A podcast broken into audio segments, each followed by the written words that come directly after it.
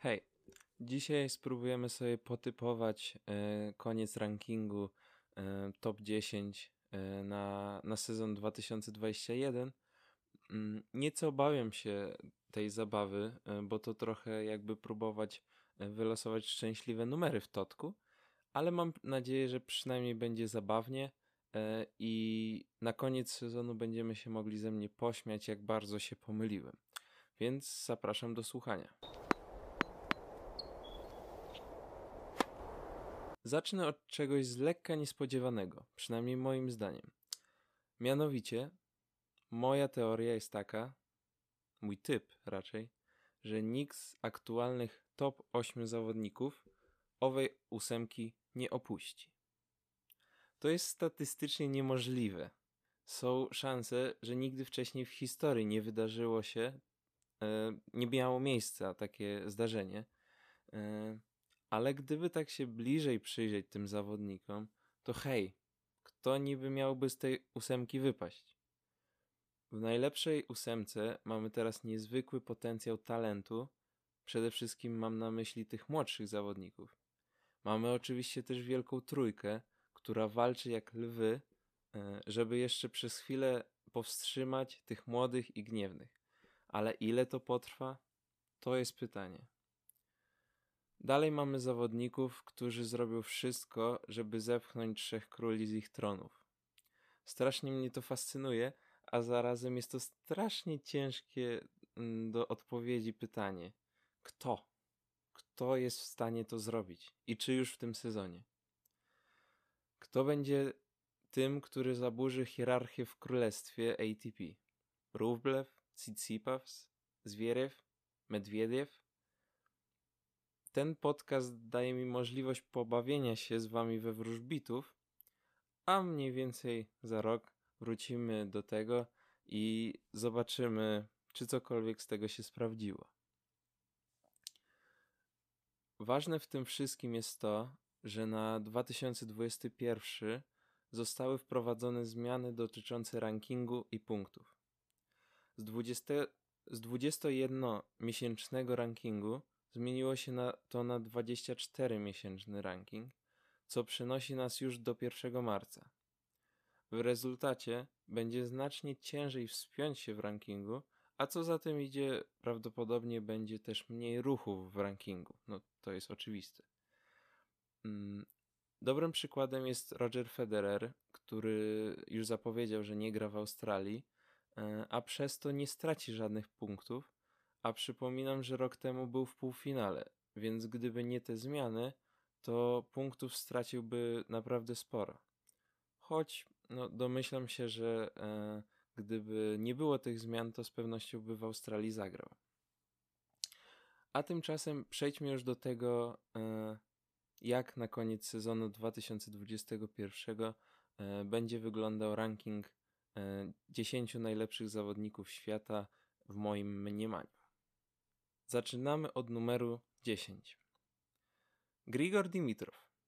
Wiem, że możecie powiedzieć, że trochę oszalałem i faktycznie pewnie troszkę życzeniowo go tutaj wrzuciłem, ale wydaje mi się, że to w końcu może być jego taki udany sezon.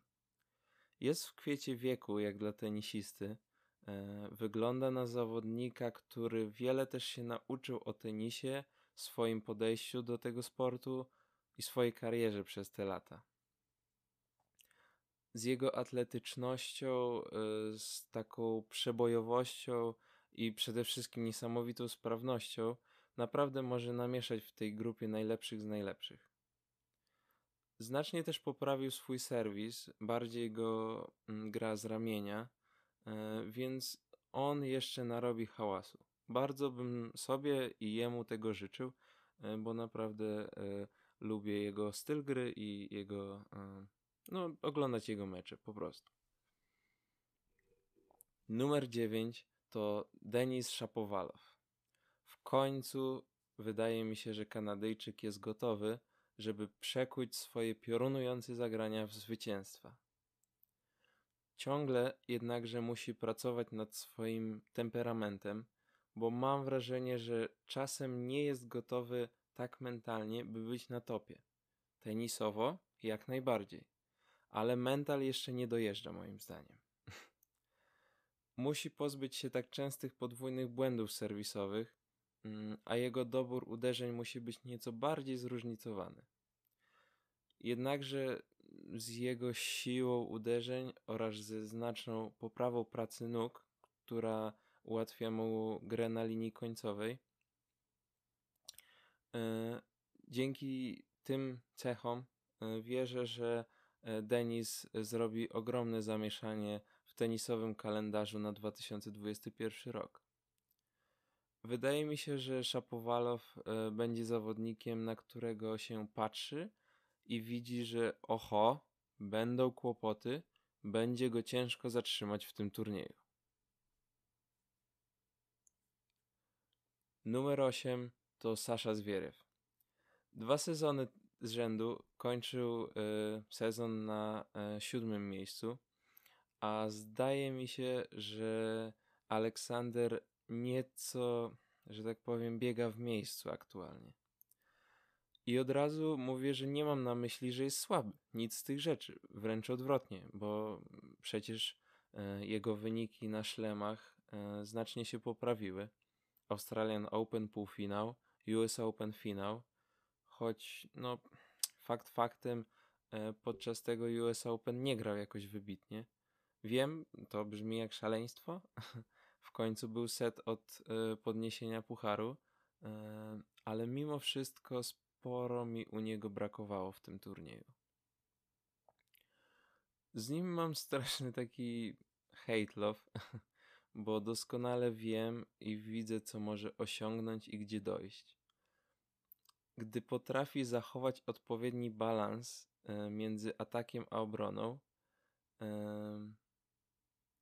forehand Zwierewa plus e, praca z Ferrerem E, były czynnikami, przez które przez pierwszą część 2020 roku Niemiec był niemalże nie do zatrzymania. A z drugiej strony przychodzi nerwowość Zwierewa, niechęć do gry, gdy nie idzie, podwójne błędy. No i Ferrer, mimo że liczyłem, że ta współpraca przetrwa, już oznajmił, że nie będzie trenerem Niemca w 2021 roku. A jakby nie patrzeć, to już jest kolejna współpraca e, Alexa z trenerem, która nie trwa za długo. Dlaczego? Odpowiedzcie sobie na to sami. Numer 7 e, to ten, o którym już mówiłem i już go zachwalałem w poprzednim odcinku. Andrea Rublew wziął 2020 rok szturmem. Jestem niemalże przekonany, że Rosjanin spokojnie wskoczy wyżej w rankingu i że będzie jeszcze lepszy, a to dlatego, e, bo jestem absolutnie zafascynowany jego skupieniem i częstotliwością gry. E, jego podejście do meczu przypomina mi nieco Nadala, e, który, tak jak on, dba o każdy punkt. Nieważne, czy to jest piłka meczowa, czy to jest piłka otwierająca mecz, czy to jest piłka w połowie seta przy 40-0, każdy punkt jest dla niego niezwykle ważny.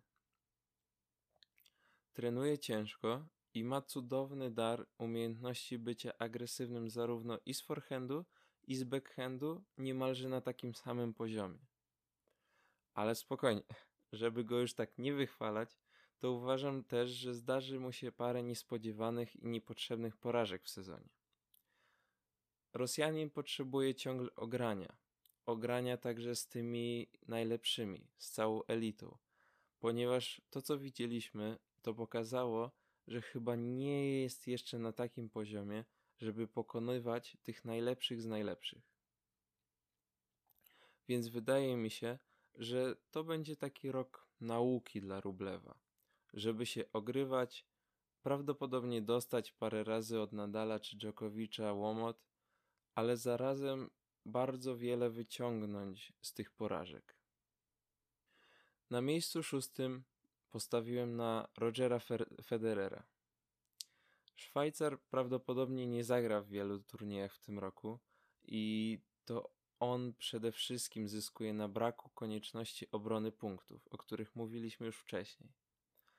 Turnieje jak Miami, Australian Open to są turnieje, gdzie Federer ma tonę punktów, które musiałby bronić. Moim zdaniem kluczem dla Federera, co pewnie dziwnie zabrzmi, jest sezon na kortach ziemnych.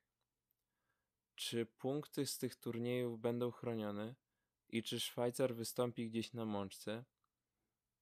To prawdopodobnie nie będzie jego marzenie, ale może się okazać, że nie będzie miał wyjścia. Przykro mi się strasznie o tym mówi, ale wydaje mi się, że Roger będzie w stanie na takim topie zagrać w max paru turniejach w tym sezonie. Ale no cóż, to jest Roger Federer, który nie raz i nie dwa nas zaskakiwał, więc może i w tym roku tak się stanie. Daniel Medwiediew jest ciekawym przypadkiem i dałem go właśnie na jako e, turniejową piątkę, rankingową piątkę, przepraszam. E, bo jeżeli spojrzymy na cały sezon 2020 rok, to gdy turniej odbywał się na szybkiej nawierzchni, z wyjątkiem Wimbledonu, to Rosjanin miał automatycznie znakomite wyniki. Prawdę mówiąc, jeśli weźmiemy wszystkie turnieje po Wimbledonie, które odbywały się na nawierzchni twardej, e, często w hali, wnet Daniel e, wygrywał te turnieje lub też pojawiał się w ich finałach, bo przecież miał on e, sześć finałów z rzędu w 2019 roku, a w 2020 wygrał w Paryżu, a później wygrał ATP Finals w Londynie. Więc ma on masę punktów do obrony.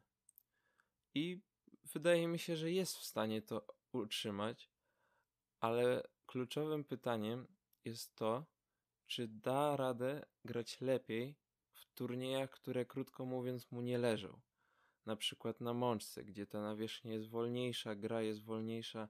Mm, jego serwisy wtedy też przez to nie mają takiej e, mocy sprawczej.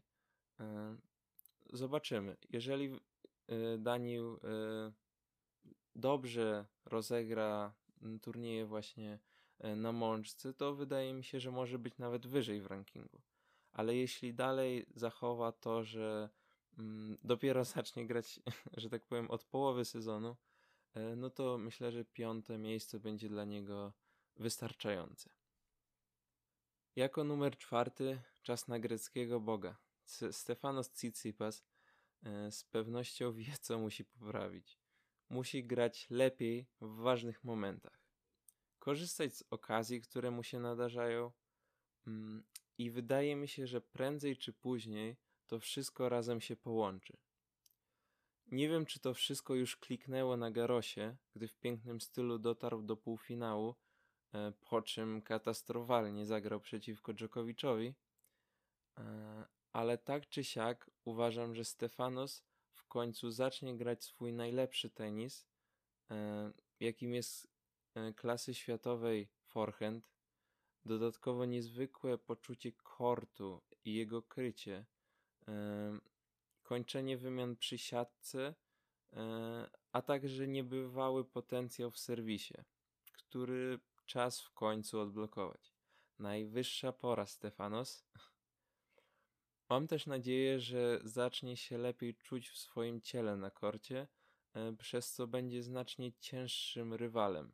Bo chociażby w tym sezonie było parę takich spotkań, że widać było jakby jakby mu się nie chciało, albo jakby był nieco obrażony na tenisa.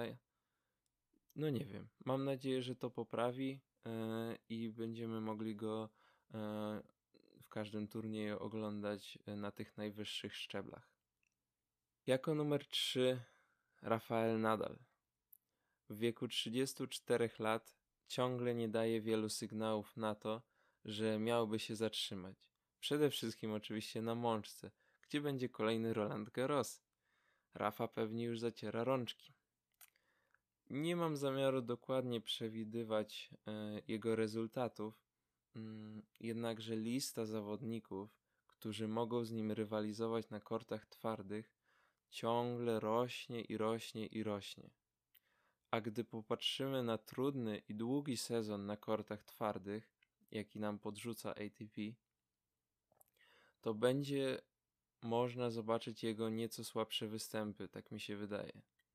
Nie licząc szlemów, oczywiście.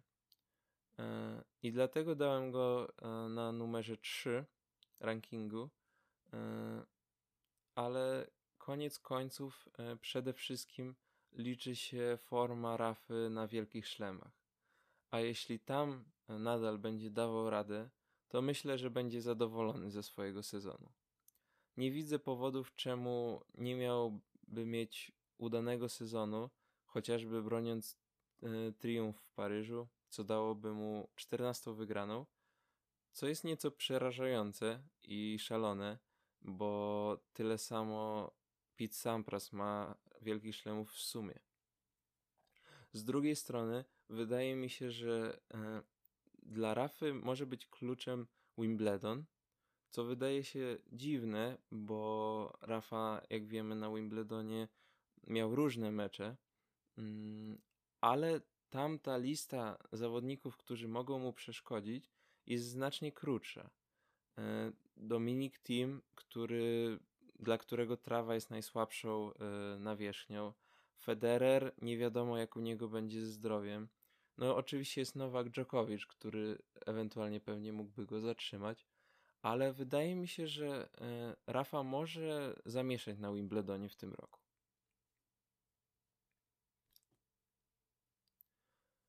Numer dwa to Dominic Thiem, który jest na drodze, która prowadzi go do zostania liderem rankingu ATP.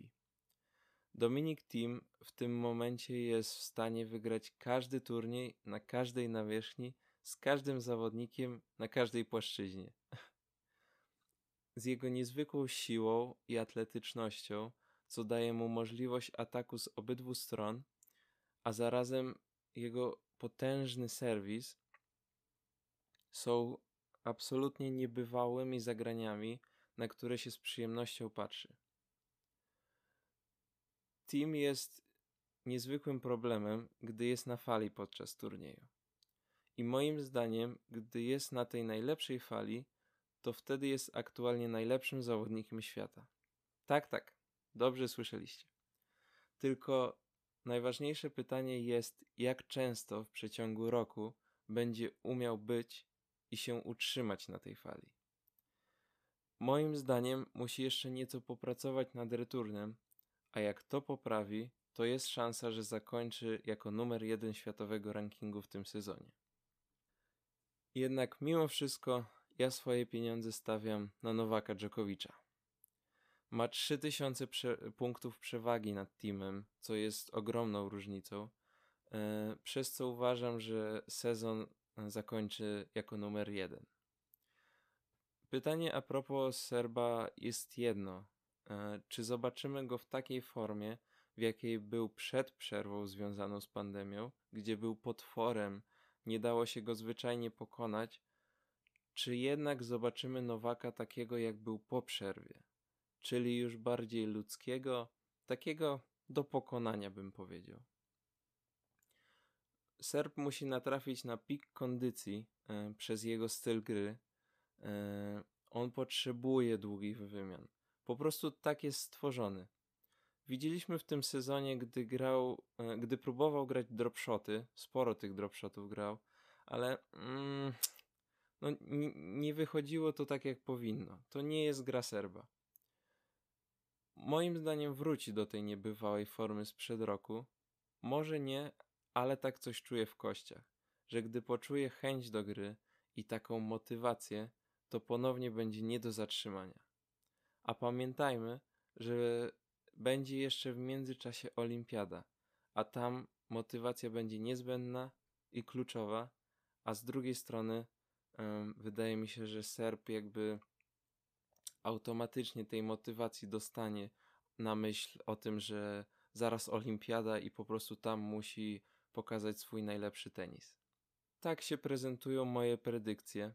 Mm, nie wiem, ile z nich będzie trafionych, ale wiem e, na pewno, że to będzie kolejny sezon obfity w emocje, oraz nieprzespane noce przez tą małą, żółtą piłeczkę. Game set match. Na dziś to tyle. Cześć.